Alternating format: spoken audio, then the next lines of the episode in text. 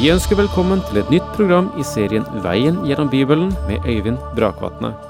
Denne studieserien er produsert av P7 Kristen Riksradio og bygger på serien Through the Bible av Vernon McGee. I dag fortsetter vi med gjennomgangen av Første Mosebok.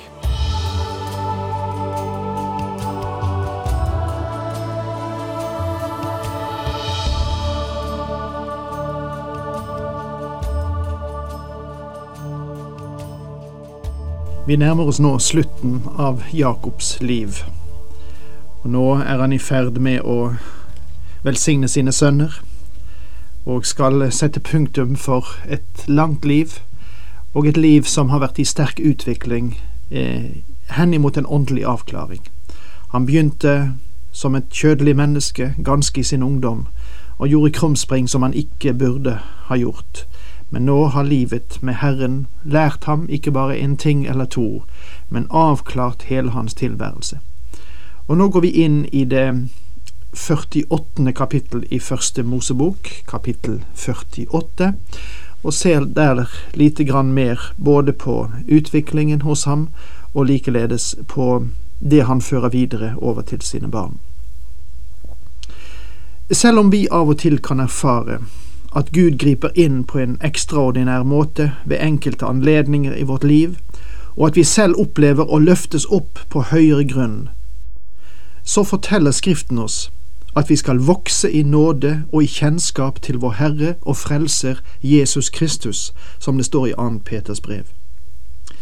I Jakobs liv ser vi at vi også må ta tid til hjelp for at åndens frukter skal utvikles men vi må takke Gud for muligheten til vekst i vårt liv, og for Guds tålmodighet som gjør den mulig.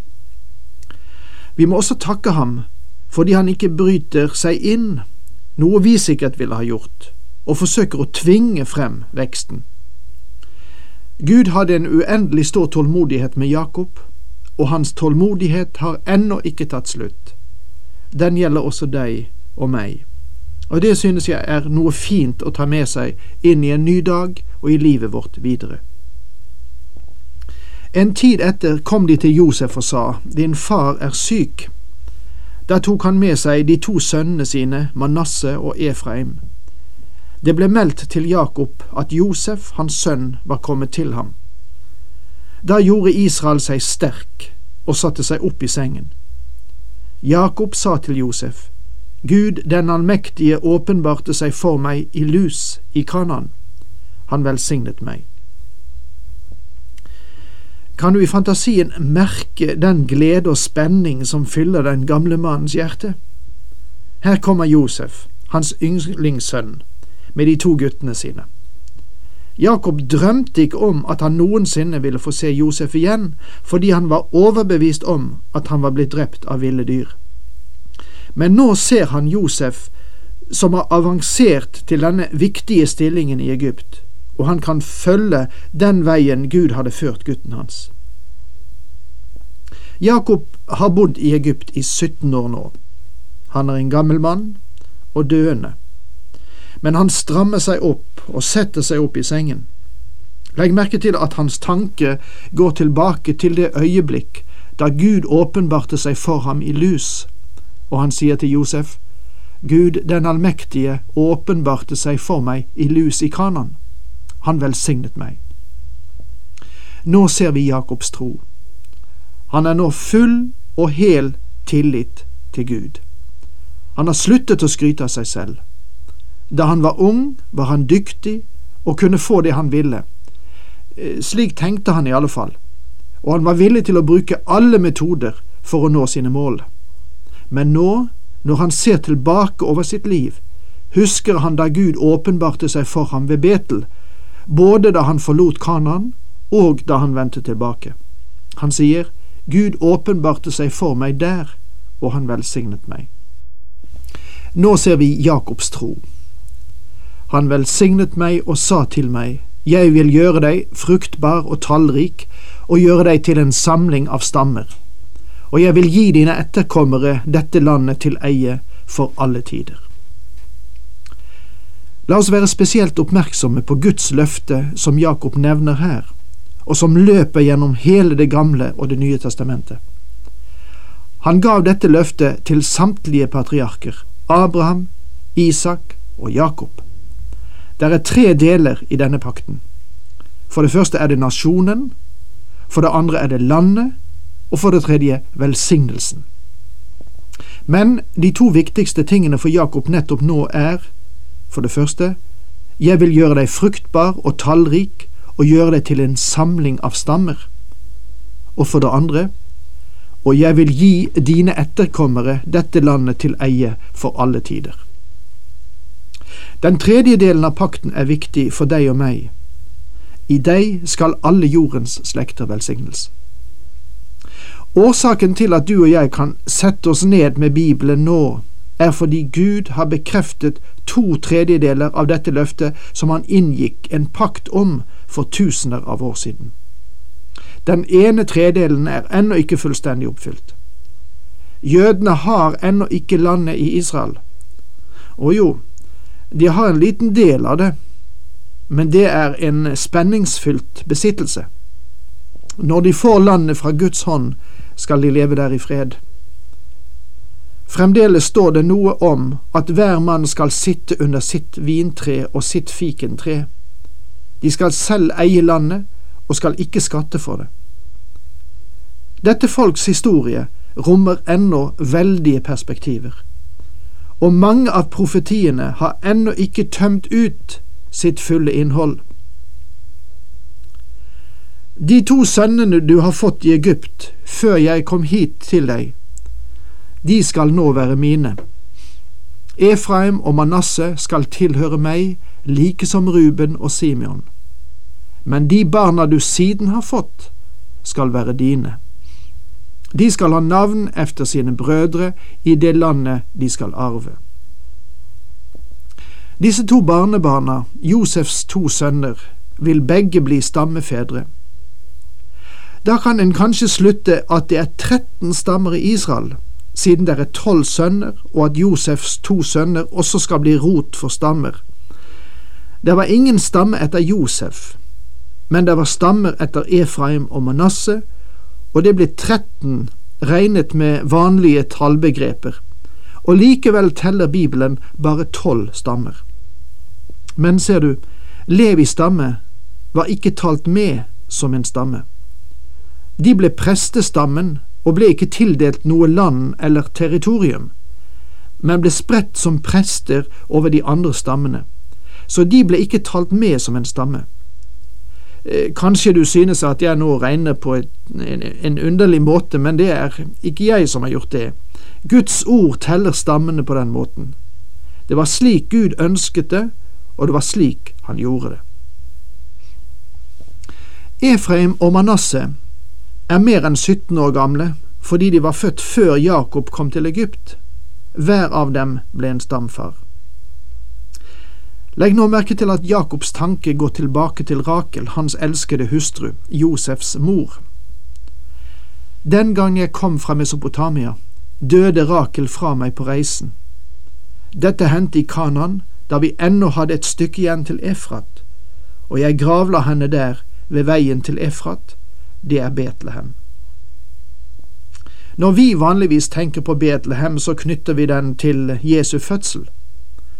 Men hvis Jakob kunne hørt oss, ville han, naturlig nok, knyttet den til sin elskede og vakre Rakels død.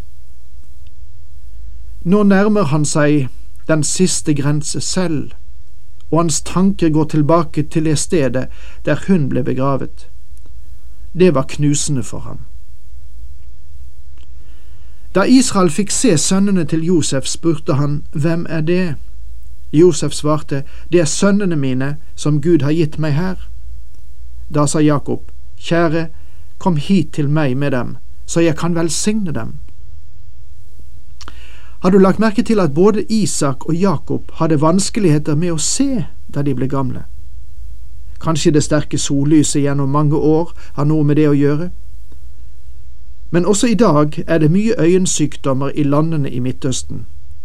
Så legg nå merke til her at Jakob ikke kunne kjenne igjen guttene. Israels øyne var svekket av alder så han nesten ikke kunne se. Derfor førte Josef guttene bort til ham, og han kysset dem og slo armene om dem. Kanskje disse 17-18-åringene føler seg litt flau for den måten deres bestefar viser sine følelser mot dem på. Israel sa til Josef, Jeg hadde ikke trodd jeg skulle se deg mer, og nå har Gud endog latt meg få se dine barn. Så tok Josef dem ned av hans fang og bøyde seg til jorden for ham. Det ser ut til at de, de, to guttene forsøkte å komme bort fra sin bestefar når han overøste dem med sin kjærlige oppmerksomhet. Siden tok Josef begge i hånden, Efraim i den høyre til venstre for Israel, og Manasseh i den venstre til høyre for Israel, og leide dem fram til ham.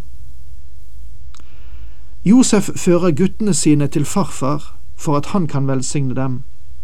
Den som ville bli plassert ved Israels høyre hånd, ville være den som inntar førsteplassen av de to.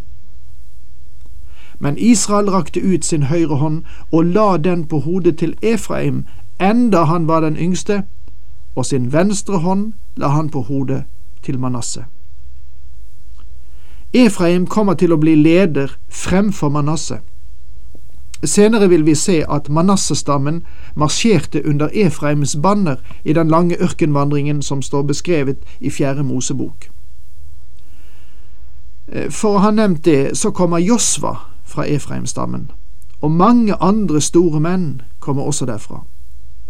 Det ble den stammen som ble rangert først av de to, og det er det ikke tvil om. Legger du merke til hva som hendte her? Selv om Jakob ikke kunne se stort, så ante han hva Josef gjorde. Josef skjøv den eldste sønnen bort til Jakobs høyre side og den yngste sønnen mot venstre side. Så hva gjorde gamle Jakob? Jo, han byttet hender. Han la armene i kryss, så han fikk lagt sin høyre hånd på den yngste sønnen. Hvorfor gjorde han det? Det er ikke tvil om at han hadde stor kjærlighet til begge guttene. De var begge sønner av hans egen yndlingssønn Josef. Men med fullt overlegg gir han velsignelsen til den yngste, og jeg tror at årsaken kan være at han var den yngste og hadde mottatt velsignelsen selv, Jakob i sin tid. Han gir denne velsignelsen videre til den yngste sønnen her. Dette er et interessant prinsipp som løper gjennom hele Skriften. Tenk for eksempel på valget av David. David var den yngste av sønnene til Isai. Hvorfor valgte Gud ham? Herren illustrerer for deg og meg en stor åndelig sannhet. Gud tar ikke hensyn til primogenitur, det vil si den naturlige fødselsrekkefølge. Den aksepterer han ikke. Det må være en ny fødsel, og derfor tar ikke Gud hensyn til våre skikker vi sier at den eldste gutten har ansvaret i en familie. Vel, den eldste gutten er ikke alltid den som Gud velger. Det betyr at Gud ikke velger det naturlige mennesket. Han velger ikke noe menneske på bakgrunn av sine naturgitte evner, og vi trenger å være oppmerksomme på denne sannhet også i våre dager. Ikke misforstå meg. Gud kan bruke våre talenter, men de må være innviet til Ham, og det er det vesentlige.